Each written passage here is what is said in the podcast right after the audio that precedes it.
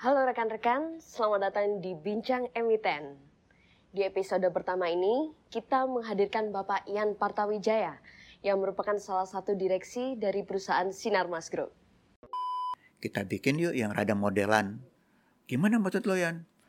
Kamu ambil saya lagi melempar bola bowling, baru saya akan menghadap ke kamera. Saudara, kami berada di Taman Impian Jaya Ancol untuk melaporkan Pekan Olahraga Nasional dari olahraga bowling. Gitu kan?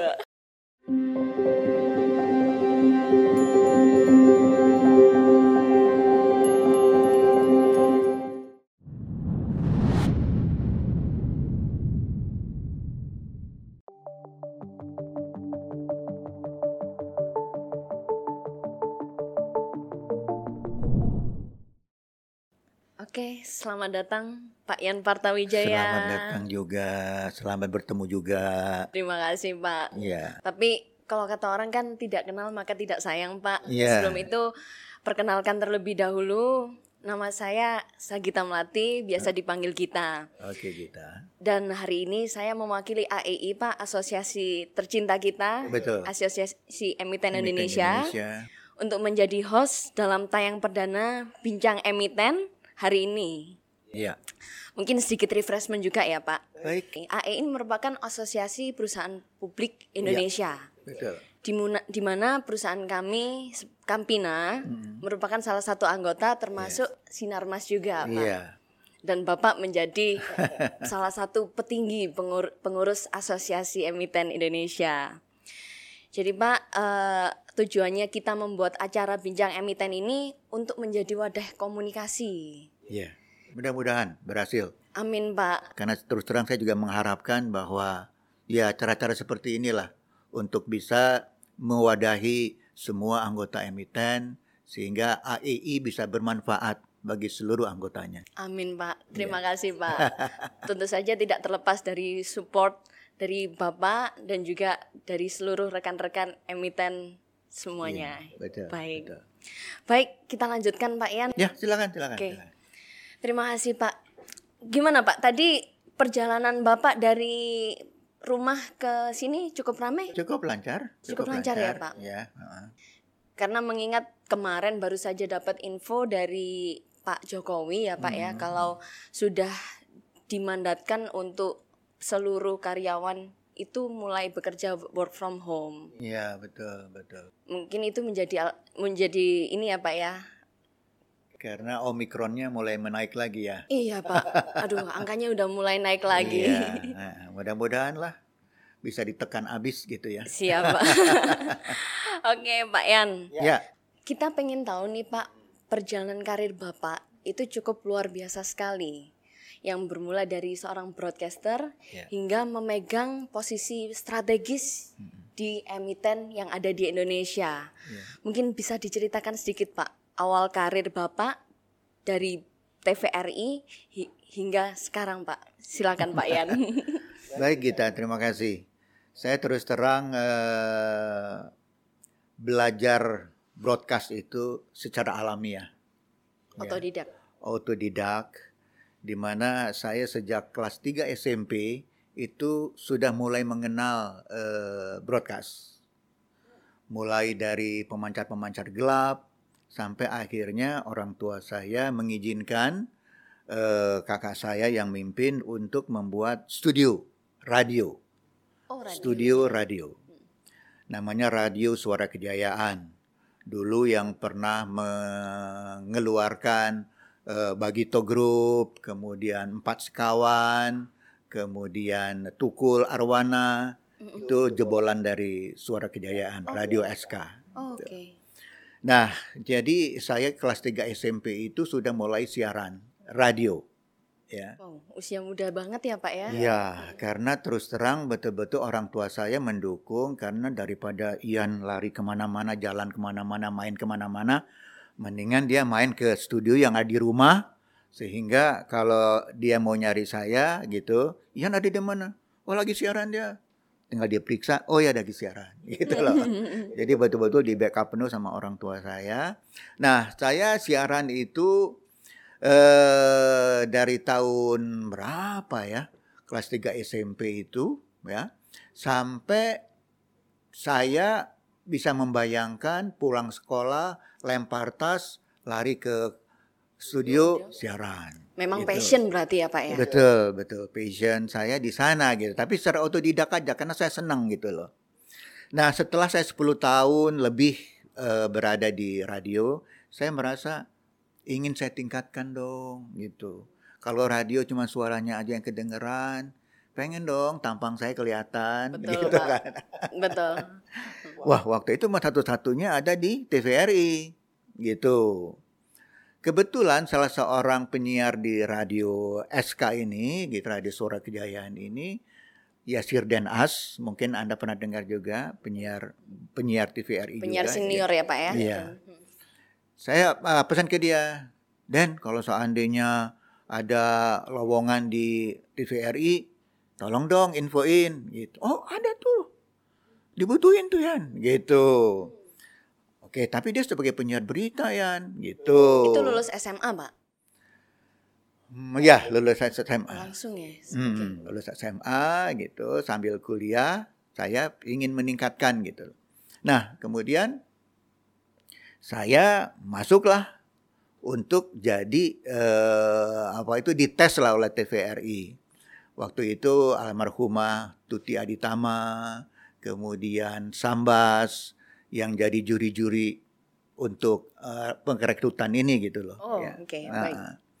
Nah, terus terang waktu itu saya bisa lulus apa enggak ya? Sangat ragu untuk bisa diterima di TVRI gitu loh.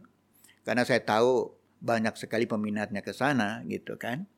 Nah, tapi ah namanya juga percobaan, kita coba aja.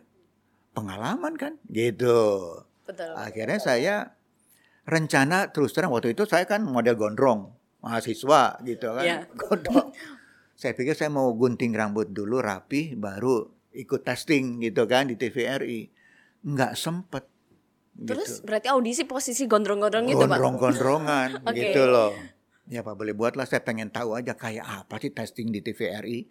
Apa kayak film gitu kan. Kalau film kan kamera action gitu kan. Bayangan kita dulu gitu. Bayangan Hmm, seperti itu Betul gitu. Pak. Ah udah coba- cobain aja. Cobalah dites gitu loh. Tes waktu itu saya masih ingat ada 144 orang yang mendaftar gitu, bergiliran. Giliran saya satu hari dari yang sudah ditentukan gitu. Nah, saya lihat para calon tuh udah keren-keren semua deh pokoknya. Saya tuh betul-betul hati kecil saya yang Kompetitor saya kok keren-keren berat ini. banget gitu loh Betul. ya. Eh, tapi ah oke kita coba aja. Coba gitu. Tes, eh tiba-tiba tiga hari kemudian ada panggilan bahwa kamu diterima di TVRI. Berapa Gitu. orang itu Pak? Dari Empat orang. oh Empat orang panggil lagi ke TVRI, saya datang. Oke, saudara Yan diterima, tetapi kamu harus potong rambut. Gitu loh. Siapa? tuntutan utama. Ah, siap langsung saya siap aja gitu. Udah. Masuklah saya ke TVRI. Nah, memang itu nggak mudah. Nggak mudah bisa langsung jadi tampil sebagai penyiar berita di sana. Istilahnya kita melop, melopen. Melopen itu adalah mengikuti penyiar-penyiar eh, yang sudah eh, apa itu yang lebih senior dari saya gitu kan. Mereka menyiapkan berita itu seperti apa saya ikutin oh dia harus meriksa ini kalimat ini yang kurang bagaimana kita mau ganti harus lapor ke siapa gitu kan Betul. sampai akhirnya ikutin itu terus gitu sampai saya pikir saya kok udah dua tiga bulan kok nggak pernah tampil nih gitu loh Hmm. Ada perasaan gitu. gitu. Mm-mm. saya jadi penyiar apa enggak sih? Gitu kan itu gitu kok cuman melopen melopen ngikutin aja orang. Kadang-kadang cuman ya tolong ini isi ini filmnya kamu isi suara ya gitu. Cuman ngisi suara doang. Daber doang sih Daber Pak. doang Mm. gitu. Saya terus terang udah mulai putus asa waktu itu. Ah kalau gitu saya keluar aja deh dari TVRI nggak bener nih kalau gini caranya gitu loh. Nah tetapi tiba-tiba ada pekan olahraga nasional. Pon keberapa waktu itu Pak? Saya nggak tahu Oh, tuh tahun- tahun berapa ya. Waktu Iya. itu mungkin tahun 82-an gitu ya. pon ada pon gitu. Tiba-tiba dari eh, apa reporter olahraga si koordinatornya bilang eh penyiar nih siapa yang bisa bantu? Kita kekurangan reporter olahraga. Gitu loh. Wah saya langsung nunjuk. Saya pak siap. Gitu loh. Kamu mau megang uh, apa uh, kamu yang bisa bikin laporan olahraga saya bisa di bowling saya bisa di kempo saya bilang gitu oke dua itu kamu pegang Oke. gitu oke dah terjunlah saya sebagai reporter olahraga gitu Cuma saya pikir gimana caranya supaya saya tampil. Masa sih cuman backup sebagai daber doang gitu kan? Betul, kesempatan nih Pak. Kesempatan. Saya bilang, eh kita bikin yuk yang rada modelan. Gimana maksud lo Yan? Kamu ambil saya lagi melempar bola bowling. Baru saya akan menghadap ke kamera. Saudara, kami berada di Taman Impian Jaya Ancol untuk melaporkan uh, Pekan Olahraga Nasional dari olahraga bowling. Gitu kan. Oh, boleh tuh Yan, boleh, boleh, boleh. Gitu. Keren tuh Pak. Akhirnya keren, keren, keren gitu. Ambil itu gitu loh. Tap, diambil, baru saya bikin laporan, keluar gitu kan. Teman-teman saya yang lain gitu, pada ngiri. Yan, emang boleh lu begitu caranya? Ya gue kagak tahu. Pokoknya gue gitu aja gitu. Buktinya? Oke deh, kalau gitu ikut-ikutan. Jadi yang di biliar, pura-pura main biliar. Dang, saudara. Gitu.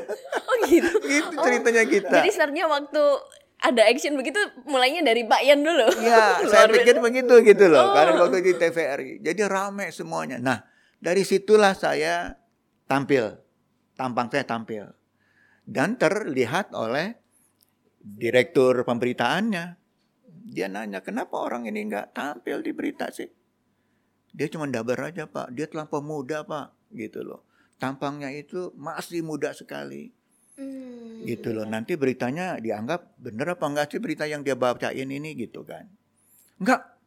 Segera jadwalkan dia. Gitu ceritanya kita.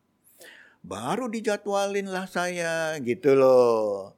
Baru masuk permulaan berita pagi-pagi banget.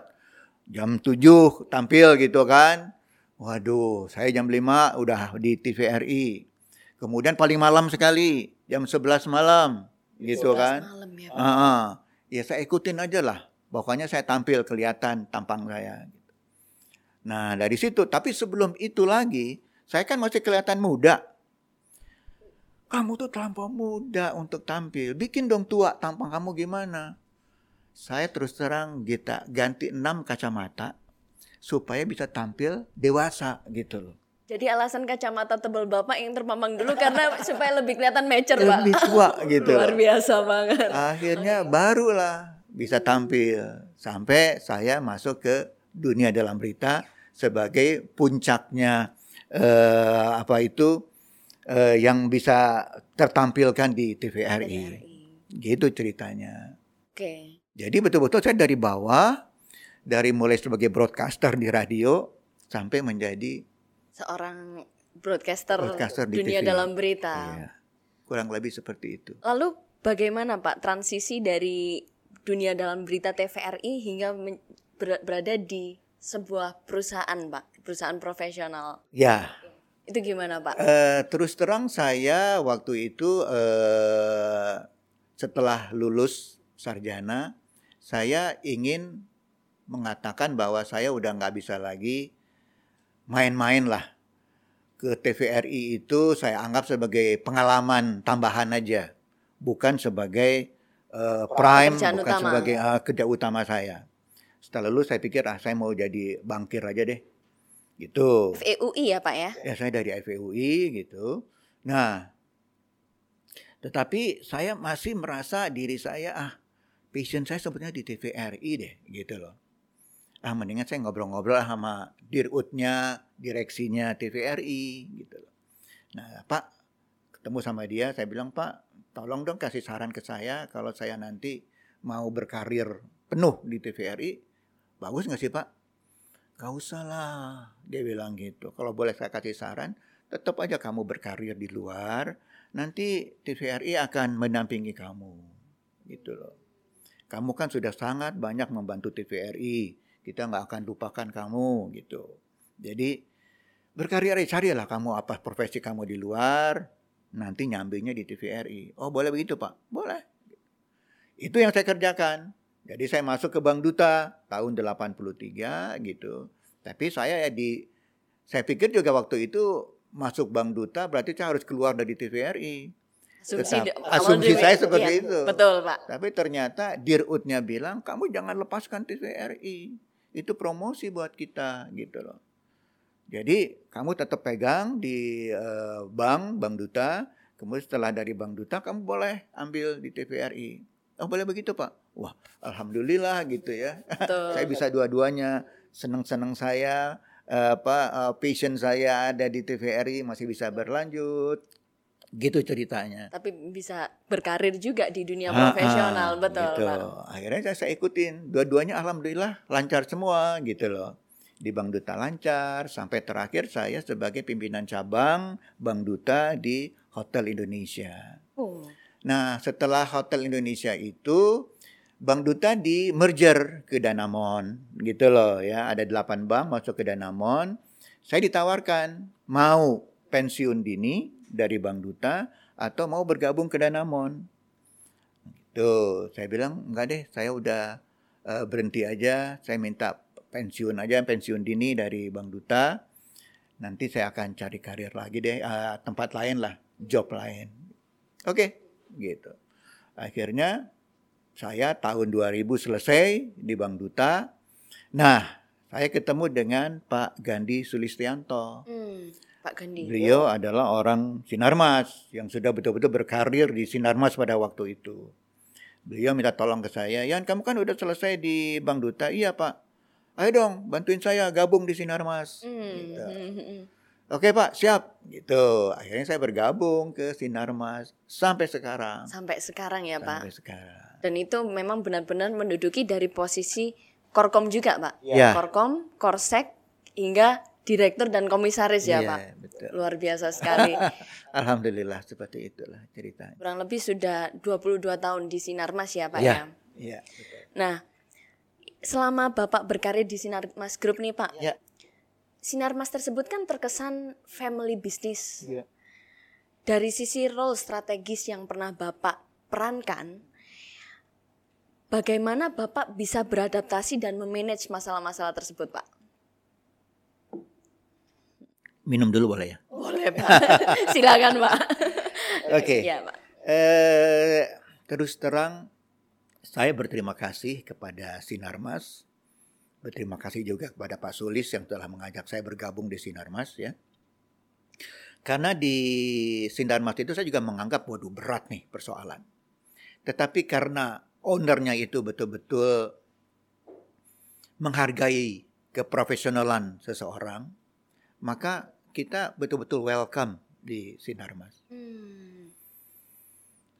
owner menganggap bahwa mereka membutuhkan profesional-profesional. Bagaimana bisa mengembangkan perusahaan di bawah Sinarmas, ya.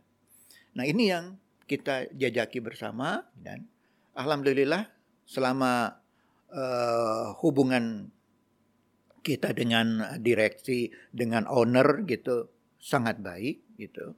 Tentunya semuanya berjalan dengan lancar selama owner percaya kepada kita bahwa kita ingin berbuat yang terbaik buat perusahaan, maka insya Allah semuanya akan berjalan lancar, semua persoalan. Baik, Pak. Nah, oke, Pak. Kira-kira faktor krusial apa, Pak, yang menentukan perusahaan yang berasal dari family business bisa bertransformasi dengan baik menjadi korporasi yang profesional dan berkelanjutan? Kalau secara pokok-pokoknya saja gitu ya, eh, kita harus bisa menghandle dua hal.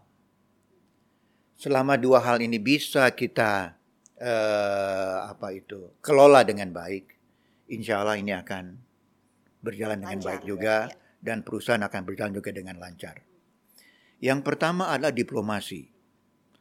Perusahaan-perusahaan yang besar seperti Sinarmas tentunya harus punya diplomasi. Diplomasi mengenai apa? Mengenai semua hal. Gitu loh. Lalu jaringannya ke mana saja? Ke mana-mana Networking ya, Pak. networkingnya. Benar. apakah itu dia wartawan, apakah dia itu LSM, apakah dia itu orang DPR, apakah dia itu uh, kepolisian, pejabat pemerintah, semuanya harus kita bina hubungan. Kita jaga networking kita, gitu loh. Karena ada istilah satu musuh aja itu udah terlampau banyak. Baik. Ya, kan? Betul, Pak. Sedangkan puluhan orang teman masih kurang terus gitu loh. Betul. Jadi kita mencari pertemanan. Diplomasi itu adalah bagaimana kita mencari pertemanan sebanyak-banyaknya. Yang kedua adalah advokasi. Advokasi dalam pengertian kalau terjadi gitu loh. Mau tidak mau, suka tidak suka, kita harus berhadapan dengan hukum, gitu kan. Dengan pihak-pihak tertentu di hadapan hukum, maka kita harus bisa memenangkan itu. Luar biasa. Gitu loh. Tentunya dengan membackup peraturan-peraturan yang ada, gitu kan. Betul. Dengan segala uh, peraturan, dengan segala aturan main yang diperbolehkan, kita lakukan itu. Betul. Advokasi, gitu loh. Sehingga persoalan bisa kita selesaikan juga dengan sebaik-baiknya. Nah kalau dua hal ini bisa kita kuasai, insya Allah lah perusahaan akan bisa berjalan dengan sesuai dengan harapan kita. Gitu loh kita. Jadi antara komunikasi dan corporate governance itu menjadi satu untuk ya. bisa me, bisa membangun perusahaan secara berkelanjutan ya Pak ya. Hmm, luar biasa sekali. Oke Pak. Nah, mungkin kita bergeser nih Pak. Bergeser. Topik selanjutnya ke arah media Pak.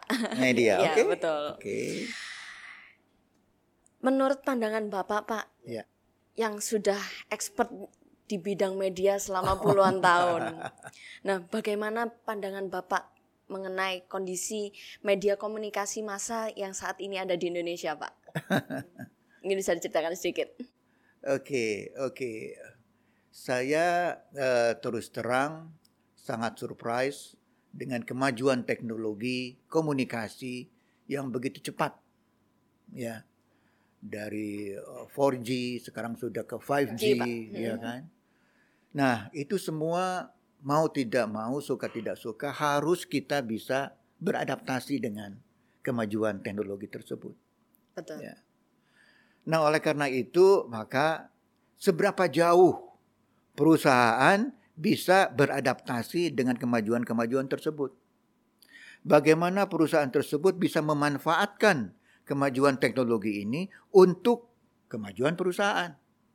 Gitu loh. Memang kita akui bahwa untuk merubah sesuatu itu bukan hal yang sepele, bukan hal yang gampang gitu loh. Nah, oleh karena itu kita berusaha kalau semua aparat yang ada di perusahaan kita punya kesesuaian yang sama gitu. Punya itikat yang sama bahwa oke okay, kita harus berubah. Kita harus beradaptasi dengan kemajuan teknologi. Kita memanfaatkan kemajuan-kemajuan teknologi itu untuk kemajuan dan keberhasilan perusahaan kita gitu. Insya Allah semuanya akan berjalan dengan lancar. Selama kita mau berinovasi ya Pak ya. Berinovasi. Untuk menyesuaikan dengan teknologi yang sekarang makin betul, gila memang. Betul. Cuman tadi uh, dibilang saya udah apa legenda. Saya pikir sih enggak juga Pak sih. legenda kok Pak. Belum legenda, enggak legenda Saya Pak. terus terang uh, kalau saya bicara Hmm. saya pernah ngobrol juga sama uh, Pak Samsul gitu kan ya. Uh, Direktur Eksekutif dari AEI. Saya bilang saya ini udah kolonial. Kalau Anda kita milenial gitu. kan dari kolonial bisa bergeser milenial, Pak. Jadi saya hanya bisa memberikan pengalaman-pengalaman saya gitu karena saya udah masa lalu lah gitu. Yang penting tetap selama kita semua mau bertransformasi ya, Pak ya, ya, untuk betul. terus belajar. Pokoknya kita berusaha untuk memberikan yang terbaik buat perusahaan. Betul. Gitu loh. Maka perusahaan itu juga akan menilai kita dengan sebaik-baiknya. Betul. Seperti yang sudah Bapak tanamkan sejak dari TVRI hingga Ya. di posisi sekarang bahwa value yang sudah Bapak berikan itu sangat bermanfaat se- sepanjang umur hidup Ya. kita ya, Pak. Betul, betul, betul, betul. Betul sekali. Karena terus terang kita di Sinar Mas juga meskipun ini adalah family ya, katakanlah keluarga Pak Eka Cipta Wijaya, tetapi kita betul-betul ingin mengedepankan keprofesionalan. Ya. Dan juga kita ini ingin bukan mengungkung semua kekayaan itu untuk keluarga, tidak. Betul. Kita akan berusaha untuk memperbanyak perusahaan-perusahaan kita yang bisa menjadi perusahaan publik. Bermanfaat untuk seluruh stakeholder. Ah, ah. Betul, Pak. Sehingga perusahaan-perusahaan kita bisa dibeli dan juga uh, dimiliki oleh masyarakat. Karena alangkah indahnya kalau perusahaan kita ini punya masyarakat, kita akan banyak diperhatikan oleh masyarakat gitu. Kita akan lebih bertransparan gitu kan. Sehingga mau tidak mau suka tidak suka kita akan betul-betul bisa melaksanakan profesionalisme di perusahaan kita. Gitu. Di Sinarmas kalau nggak salah sudah ada 11 perusahaan publik ya yang sudah sudah TBK yang sudah terbuka dan ingin akan kita akan berusaha untuk memperbanyak lagi gitu loh. Yang siap untuk IPO, ayo silakan IPO. Betul, Pak. Gitu loh. Dan mengajak untuk masyarakat untuk bisa sama-sama menginvestasikan sahamnya Iya. ke Sinarmas. Sinarmas, Pak ya. Sinarmas ini milik masyarakat juga lah seakan-akan seperti itu. Itu yang kita harapkan. Luar biasa sekali Pak ya. Baik Pak. Oke Pak, kembali lagi ke media tadi ya Pak ya. Silakan. Siap. Jadi Pak, media saat ini kan memang banyak media perorangan yang seperti kita ketahui seperti buzzer, Iya. influencer, di mana untuk media mainstream mungkin itu sebuah ancaman ya Pak ya. Tapi kalau menurut Bapak, apa yang harus dilakukan media mainstream saat ini Pak dalam menghadapi hal tersebut? Iya. Seperti yang saya ungkapkan tadi bahwa kita harus bisa beradaptasi. Betul Pak? Iya kan? Perusahaan saya, Sinarmas misalnya, tentunya harus beradaptasi dengan kemajuan teknologi yang terjadi saat ini. Demikian juga dengan media-media mainstream. Dia harus bisa beradaptasi dengan kemajuan teknologi yang ada. Gitu. Nah, jangan hanya puas di situ-situ aja. Iya setuju Pak. Cuma tampilin sinetron saja misalnya gitu kan. Bikin dong. Apalagi yang baru yang bisa kita kembangkan. Apakah bisa dikawinkan gitu kan dengan eh, apa itu kemajuan medsos gitu loh. Demikian juga dengan pemilik dari si eh, media-media mainstream ini. Jangan hanya terpaku dia hanya punya di satu media saja. Kembangkan dong ke perusahaan-perusahaan yang lain. Gitu loh. Sehingga betul-betul dia bisa utuh. Dia punya koran, surat kabar, dia Radio. punya radio, dia punya televisi, di medsos juga dia punya gitu loh. Ini yang tentunya harus dihadapi oleh mereka-mereka yang di media mainstream ini. Ini menurut pandangan saya gitu loh, kita. Kembali lagi inovasi itu tadi ya Pak ya. Iya, kalau dia mau bisa survive terus di bidangnya gitu loh. Iya mungkin saja di eh, mainstreamnya dia agak rugi, tapi kan di bidang-bidang lain dia bisa untung gitu loh untuk menutupi ini semua gitu loh. Itu barangkali yang bisa saya sampaikan. Luar biasa Pak Yan. Oke Pak, kalau misalkan kita lihat dari sisi perusahaan nih Pak, Bapak selaku direksi dan juga komisaris nih Pak, yang juga pernah memiliki pengalaman lintas departemen seperti Korsek, Korkom Yeah. tadi Pak, Ya. dan spesialnya di bidang komunikasi. Nah apa sih Pak pengalaman yang paling menarik dan menantang dalam menghadapi krisis atau pemberitaan yang ditujukan kepada perusahaan sepanjang Bapak berkarir Pak? Yang tidak bisa saya lupakan dua krisis yang saya hadapi. Baik Pak. pada waktu di Bank Duta pada intinya adalah krisis PR ya, krisis public relation gitu loh. Karena pada tahun 90-an gitu Bank Duta bangkrut gitu kan. Nah, tetapi kita ditutup oleh dana dari eh, Pak Harto sehingga kerugian kita sudah bisa diatasi.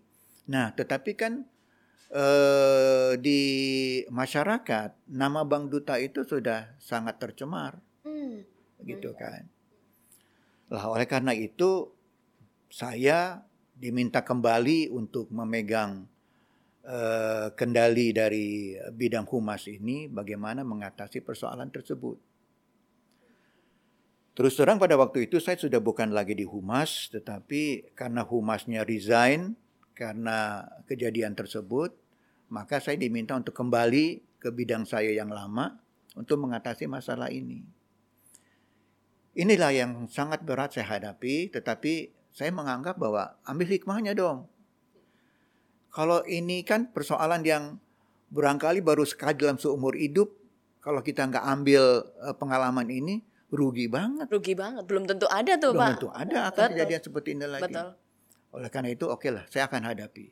Saya hadapi, oke Pak, saya terima jabatan ini kembali dan saya akan berusaha sekuat tenaga saya untuk mengatasi masalah krisis PR di Bank Duta. Gitu loh.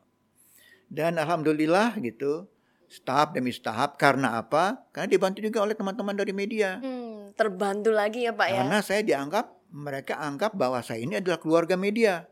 Gitu Betul. loh. Ber- berpengalaman di TVRI Di tadi. TVRI. Betul. Karena saya sering tampil di TVRI, maka dianggap saya sebagai orang media. Hmm. gitu. Jadi setiap persoalan yang negatif tentang Bank Duta, dia akan nanya ke saya. Yan, ini ada persoalan gini-gini, apa ya jawaban dari eh, Bank Duta? Malah tektokan ya tuh Pak. Ah, saya jelasin, Iya. gitu loh. Mm-mm. Nah, demikian juga pada waktu yang kedua, krisis yang terjadi di Sinarmas. Pada waktu BII gitu menghadapi masalah dan harus eh, gabung ke Maybank. Eh, bukan, masuk ke BPPN, Badan. Penyihatan Perbankan Oh, Nasional, Baik, Pak. gitu loh. Jadi pada waktu itu eh, kejadian BII tidak bisa membayar utang-utangnya, ya, sehingga masuk ke eh, apa itu ke BPPN. Nah, saya diminta untuk bagaimana menjadi juru bicara Hmm. juru bicara di eh, persoalan Soal ini, itu. mewakili Sinarmas. Oh. Padahal terus terang saya pada waktu itu baru dua bulan masuk di Sinarmas Tahun 2000 itu Pak. tahun 2000. Wow. Jadi 2000 saya kan Oktober masuk gitu. Januari Februari kejadianlah krisis PR di BII. Saya diminta oleh Pak Sulis coba Yan handle untuk eh, juru bicaranya. Hmm. Nah, ya udah saya hadapi dengan berpengalaman kepada pengalaman saya waktu menghadapi krisis PR di Bank Duta gitu loh. Saat tahap demi tahap gitu saya bisa kuasai gitu loh. Akhirnya masyarakat bisa menerima penjelasan-penjelasan saya. Mereka paham persoalan Sinarmas itu seperti apa gitu. Dan jalan keluarnya seperti apa. Karena terus terang Sinarmas itu tidak pernah mengemplang utang. Gitu loh. Kita selalu membayar utang tetapi kita memperpanjang pembayar utang itu. Baik, baik. Ini jadi tidak ada apa haircut gitu ya. Tidak ada haircut, kita bayar semua bunga yang harus kita bayarkan, kita akan bayar bunganya. Fair dengan memenuhi kewajiban. Fair. Betul. Ini yang kita lakukan. Sehingga dengan eh, berpedoman seperti ini bahwa kita tidak merugikan masyarakat, kita tidak merugikan kreditur gitu. Kita akan selesaikan ini secara bertanggung jawab gitu loh. Dan ini selesai juga kita laksanakan. Semua utang-utang kita kita bayarkan sepenuhnya. Gitu. Jadi dua hal inilah krisis PR yang saya hadapi gitu. Yang sulit saya lupakan krisis PR di Bank Duta dan krisis PR di Sinarmas. Yang benar-benar mendewasakan Bapak hingga bisa Betul. menduduki jabatan penting ya Pak. Alhamdulillah dipercaya oleh eh, owner gitu loh untuk berkarir terus di Sinarmas Hmm. gitu loh. Baik, wah perjalanan cukup panjang dari mulai dari nol seorang broadcaster hingga bisa menjadi seorang direksi dan komisaris. Iya, ya. Alhamdulillah. Baik, Alhamdulillah. Oke. Nah, ini Pak, kita membahas dari sisi AEI ya Pak, Asosiasi AEI. Emiten Indonesia. Iya. Nah, kalau menurut Pak Ian sendiri, bagaimana OJK beserta stakeholder bersama termasuk AE sendiri dapat mengambil peran lebih aktif lagi menggunakan media massa un untuk mengembangkan pasar modal, Pak. Itu bagaimana menurut Bapak? ini yang yang bisa jawab ini Pak Samsul. Oh, Pak Samsul ya, Pak. ya, Pak. Tapi secara normatif barangkali saya hanya bisa mengatakan bahwa kalau seandainya AEI ingin berperan lebih besar lagi, maka AEI harus bisa tahap pertama dirasakan manfaatnya oleh seluruh anggota. Betul. Gitu ya. ya Pak. Nah, yang kedua adalah bagaimana AEI bisa mempromosikan gitu ya ketangguhannya lah katakanlah seperti itu kepada masyarakat komunikasikan semua kegiatan, semua keberhasilan dari AEI yang telah kita kerjakan gitu loh kepada masyarakat. Sehingga masyarakat tahu bahwa AEI adalah satu-satunya asosiasi yang mewakili emiten. Betul. Ini yang kita harapkan pandangan pemerintah juga hal yang sama. Sehingga kalau ada hal-hal yang perlu dikomunikasikan dengan emiten, dia akan hanya memanggil Asosiasi Emiten Indonesia dulu gitu loh gimana nih? Tadi, Pak, ya? uh, uh, Betul. Gimana Bimbingan. kita mengeluarkan peraturan begini begini begini bisa diterima nggak oleh emiten misalnya gitu. Kita berikan tanggapan gitu kan? Betul. Karena terus terang kita adalah uh, uh, asosiasi yang ingin berperan dan bekerja sama dengan pemerintah. Gitu loh. Kita think tanknya pemerintah kita siap. Gitu loh. Jadi dua hal inilah yang terus kita kembangkan oleh karena itu saya sangat setuju apa-apa program-program yang dilakukan oleh Pak Samsul sebagai Direktur Eksekutif, bagaimana mempromosikan AEI gitu kan, kemudian juga memberikan uh, pembelajaran-pembelajaran kepada semua uh, anggota emiten kita gitu, sehingga betul-betul oh iya ya, sebagai anggota kita betul-betul menikmati banyak manfaat. Benar, nah, Pak. Setuju. Ini ini ini yang perlu kita tekankan gitu. Kalau ini terus kita kerjakan, insya Allah lah. Gitu loh. AEI akan betul-betul dipandang bukan hanya oleh pemerintah, tapi oleh seluruh masyarakat. Gitu loh. Bahwa AEI adalah uh, satu-satunya asosiasi yang mewakili emiten. Gitu, gitu. Kalau kita mengambil tadi kutipan dari Bapak ya Pak, dua hal ya. penting yaitu yang pertama adalah diplomasi atau networking dan juga advokasi. Betul. Nah, mungkin di sini emiten seperti yang disampaikan Pak Ian sangat berperan dalam dua role tersebut ya, Pak ya. Ya, betul. Dari networking mungkin kita bisa bekerja sama antara bisnis uh. antar emiten hmm. atau juga kita bisa memberikan bimbingan edukasi atau atau bantuan mungkin seperti corporate action ya, Pak ya. Ya, betul. Oleh emiten. Dan juga hmm, kita harusnya kan bisa kerjasama antara emiten. Benar, Pak. Gitu loh. Iya. Bagaimana kita perkembangan kerjasama gitu loh antar emiten emiten butuh yang satu butuh apa kita butuh apa barangkali bisa bisa kita barter bisa apa gitu ini yang terus kita harus kembangkan gitu loh sehingga betul-betul dirasakan oh iya ya AEI ini bukan hanya kita untuk berkonsultasi saja, tapi kita bisa berbisnis loh, gitu loh. Ya. Bisnis kita makin berkembang nih dengan AEI misalnya gitu kan. Wah itu hebat, hebat sekali. sekali. Jadi dapat mutual beneficiary dari ya. semua ya, pihak, Pak. Betul, betul. Nah, ini kita kembangkan terus apa lagi? Apa lagi? Produk apa lagi yang bisa kita kerjasamakan, kita uh, apa? create gitu sehingga betul-betul AI bisa bermanfaat buat seluruh anggota. Betul, Pak. Baik, luar biasa sekali, Pak Yan. Oke. okay. Saya melihat sosok pribadi Bapak adalah gemar melakukan kegiatan sosial yang sering dilakukan di lingkungan masyarakat ya, Pak. Tidak sedikit pula banyak yang menyebut Bapak ini sebagai seorang filantropi. Nah, kalau kita hubungkan dengan perusahaan Pak, serta mulai banyaknya pelaku bisnis yang menjalankan triple bottom line, people planet profit, di mana implementasi dari sosial sorry SDGs yang sudah digaungkan oleh BBB untuk membangun masyarakat modern yang peduli terhadap lingkungan dan juga masyarakat. Nah, itu bagaimana menurut Bapak? Hmm, hmm, hmm. Kita terus terang sudah lama ya, karena sejak awal kita selalu berpedoman kepada 3P ini. Betul. Ya, Triple P ini selalu kita pegang setiap uh, Sinarmas mendirikan perusahaan baru, maka dia harus memegang 3P ini. Yang pertama, perusahaan tersebut harus bisa bermanfaat bukan hanya untuk karyawannya saja, ya, tetapi kalau bisa untuk masyarakat. Stakeholders tadi ya Pak ya, ya betul. Untuk masyarakat. Hmm. Uh, kemudian yang kedua, kalau itu yang people ya, yang kedua adalah untuk profit.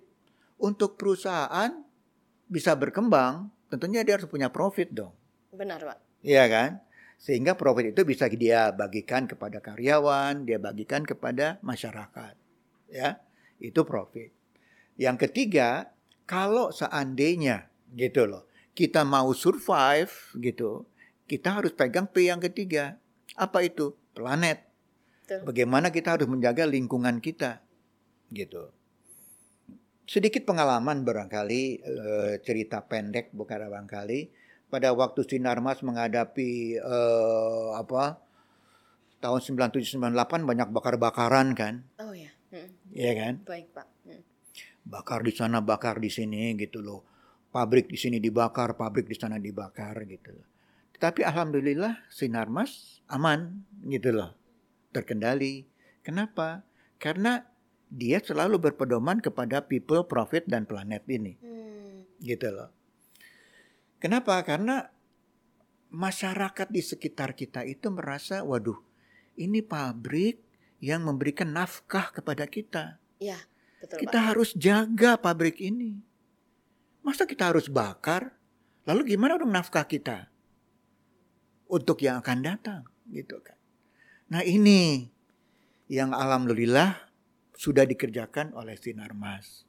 Sehingga masyarakat yang melindungi pabrik-pabrik kita. Gitu loh. Mereka yang menjaga orang mau bakar, oh jangan. Ini pabrik kita bersama. Hmm.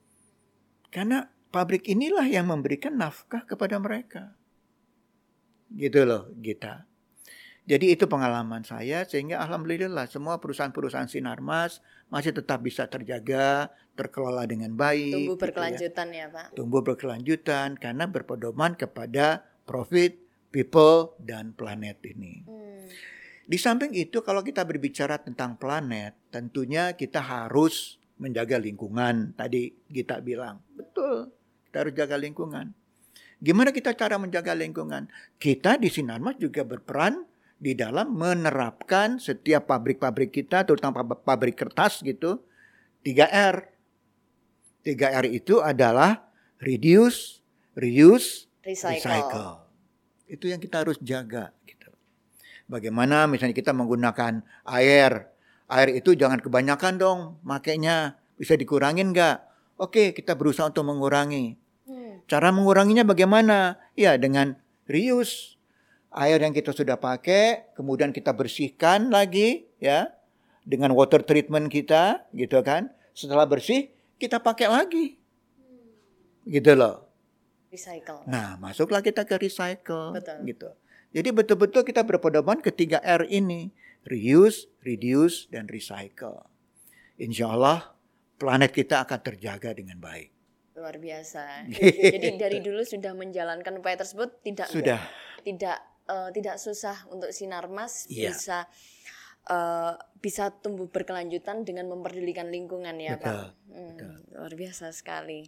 Oke pak, kalau tadi bapak menyampaikan bahwa masyarakat ikut bersama-sama membantu keberlangsungan dari sinarmas. Sense of belongingnya cukup tinggi ya pak ya terhadap hmm. sinarmas ini sendiri. Dalam hal apa tadi? Untuk bisa sama-sama yang terkait dengan pembakaran hutan tadi, Pak. Yeah. Nah, itu bagaimana, Pak? Dari Sinarmas sendiri bisa mengedu, mem, mengkomunikasikan atau memberikan edukasi masyarakat untuk menciptakan sense of belonging itu, Pak? Yeah. Tentunya ada banyak hal yang bisa kita kerjakan, tergantung dari masing-masing perusahaan dan tergantung dari kondisi perusahaan itu di lapangan. Betul. Ya. Jadi misalnya uh, kita kembangkan hmm, di Sinarmas itu plasma dan inti, inti plasma, ya. dalam pengertian bagaimana uh, kita bisa memberikan program-program pendidikan kepada uh, tukang kebun tukang kebun hmm. kita gitu yang ini terkait dengan sawit ya hmm. dengan sawit bagaimana kita bisa kembangkan kalau kita didik mereka secara lebih baik maka mereka akan menghasilkan juga hal-hal yang lebih baik kepada kita. Hmm. Bayangkan oleh kita bahwa kebun-kebun kita ini kan eh, banyak yang dikelola oleh rakyat saja gitu loh ya. Tetapi kita ingin memanfaatkan dia gitu loh. Kita didik dia kita kasih benih dia benih yang terbaik yang bisa kita berikan kepada dia gitu loh. Sehingga dia bisa bermanfaat lagi. Hmm. tentu dia punya perlu modal. Nah kita berikan modal gitu loh sebagai inti kita berikan modal kepada plasma kita anggap mereka ini plasma kita berikan dia modal untuk bisa berkembang gitu loh Nah, sebagai inti tentunya harus bertanggung jawab kepada kepada uh, si plasma ini. Nah, plasma ini kita didik dengan baik, kita berikan uh, apa itu pengalaman-pengalaman bagaimana mengelola sawit dengan baik. Kalau seandainya dia sudah baik gitu kan, dia akan memberikan juga hasilnya kepada kita. Gitu loh. Hasil uh, benih yang dia tanam kita akan beli gitu kan. Kita akan bayar gitu kan. Nah, itu akan jauh eh, apa itu income-nya buat yang bersangkutan lebih tinggi dibandingkan mereka-mereka yang tidak bergabung dengan kita. Hmm, memberikan nilai ya Pak ya. Kita punya value added yang lebih daripada mereka yang hanya bergerak begitu-begitu aja. Betul. Gitu. Ini yang kita lakukan. Nah, demikian juga program kita di dalam uh, uh, apa itu untuk mengembangkan UMKM. Hmm, hmm. Di bidang UMKM juga kita mengenal uh, desa mandiri peduli api. Ya. Okay. Uh, kita sekedar tahu bahwa orang itu membakar hutan karena apa? Mereka menganggap bahwa untuk membuka lahan yang paling gampang adalah dengan membakar. Hmm. Gitu kan? Paling dia kasih bakar, selesai gitu, baru dia tanam. Kebutuhan bisnis. Ha -ha. Betul. Nah, ini masyarakat kecil, masyarakat rendah di sana punya pemikiran seperti itu. Nah, ini harus kita ganti gitu loh. Kamu tidak boleh membakar membuka lahan kamu. Gitu. Nah, kita didik mereka gitu loh. Kita berikan pendidikan ke mereka, tapi mereka bilang, "Tapi kan perut saya harus diisi, Pak." Gimana? Gitu loh. Nah, oleh karena itu, kita punya program Desa Mandiri Peduli Api. Hmm. Jadi kita kembangkan dulu desanya itu. Desanya ini apa sih kelebihannya? Okay. Oh, saya ini masyarakat di sini lebih senang menanam jagung. Oke, kita berikan uh, apa itu modal untuk mereka bisa uh, membuat tanaman jagung secara lebih baik. Jagung itu kita akan cari off takernya, pembelinya siapa? Kita kembangkan. Sehingga betul-betul si masyarakat itu terpenuhilah income-nya. Ada solusi yang ditawarkan Ada ya, solusinya. ya Pak? Oke. Okay. Nah oleh karena itu dengan dana ini mereka bisa hidup dan mereka kita uh, harapkan tidak lagi membuka lahan dengan membakar. Ini yang kita selalu uh, tekankan di beberapa kegiatan kita, plasma inti, program plasma inti dan program uh, DM uh, Desa Mandiri Peduli Api. Desa Mandiri Peduli Api. Sudah berapa desa nih Pak yang Desa Mandiri Peduli Api ini? Udah banyak, udah banyak gitu loh. Satu hal lagi yang maha penting buat kita ya. Iya Pak. Terutama masyarakat Indonesia. Bahwa kita harus menjaga kebinekaan. Benar. Iya kan? Kita ini negara besar dengan beragam apa itu uh, beragam bahasa, beragam kultur, beragam suku bangsa dan lain-lain sebagainya. Betul. Kebinekaan ini harus kita jaga. Gitu loh. Kalau tidak bisa kita jaga, kita hancur berkeping-keping seperti Uni Soviet, seperti Yugoslavia. Iya. Nanti jadi negara-negara kecil saja. Nah, ini harus kita sadari oleh seluruh masyarakat di Indonesia. Kebinekaan ini harus kita jaga. Bagaimana gitu loh kebinekaan itu kita jaga. Nah, tentunya harus kita berikan pengertian-pengertian kepada mereka. Karena terus terang eh, kita kalau seandainya kebinekaan ini tidak kita jaga, maka akan timbullah intoleransi.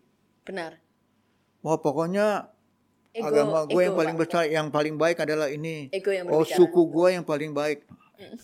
Tuh kan, ras gue yang paling baik, misalnya begitu intoleransi. Kalau intoleransi ini terus berkembang, dia akan menjadi radikal. Radikal gitu, pokoknya apa pun gua kerjain demi kepentingan perut uh, sendiri. Uh, uh, uh, gitu. Akan terjadilah terorisme. Mm. Gitu. Benar, Jadi dari intoleran, radikal, kemudian akan masuk menjadi terorisme. Ini yang harus kita jaga. Nah ini harus kita masyarakatkan gitu loh masalah ini. Eh bangsaku ingat nih kebinekaan kita. Hmm. Kita ini dari beragam suku, agama dan segala macam. Ini harus kita jaga. Hargailah perbedaan kita ini. Iya. Hormatilah perbedaan kita ini. Sehingga tidak terjadi intoleransi yang akan membuahkan radikalisme dan akhirnya membuahkan terorisme. Nah ini kita, Anda sebagai generasi penerus, generasi milenial, sedangkan saya ini uh, generasi kolonial gitu ya. Tapi masih awet muda kok, Pak. Jadi kita harus bisa mengedukasi masyarakat tentang hal seperti ini. Ini yang paling utama menurut pandangan saya yang harus kita sadari bersama. Betul, Pak. Gitu Kita. Baik, Pak. Dengan semoga dengan kebinekaan ini kita bisa membangun masyarakat yang madani Betul. di dunia di era teknologi yang makin maju ini ya, Pak Betul, ya. Betul, setuju, Baik. sangat setuju kita. Baik. Ya. Baik, Pak Yan. Sebelum kami tutup, apa sih Pak harapan untuk AEI dan podcast Bincang Emiten ini yang digunakan sebagai wadah komunikasi untuk adaptasi di era digital ini, Pak?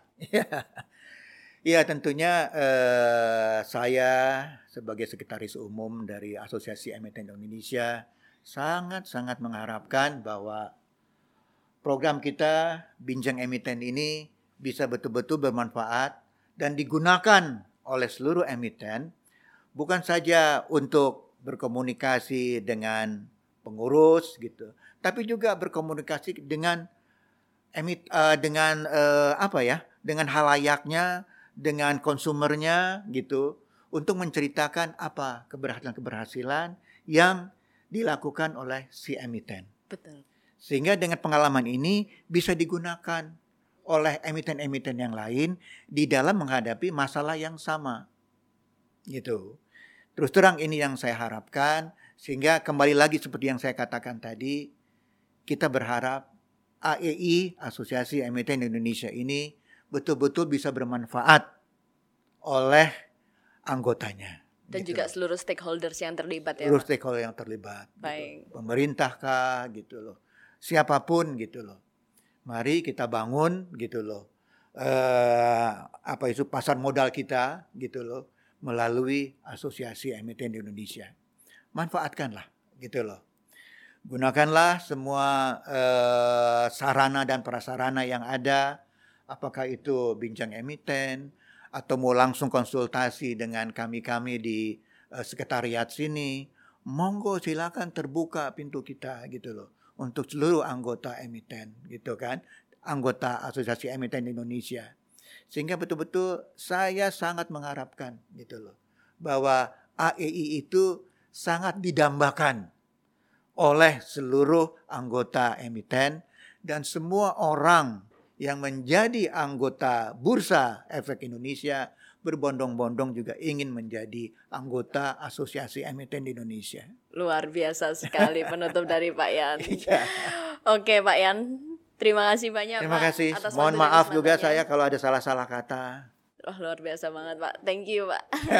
Mohon maaf juga dari kami kalau misalkan ada kata yang tidak disengaja Pak. Baik. Baik. Oke, thank you Pak. Terima kasih, Terima terima kasih. kasih.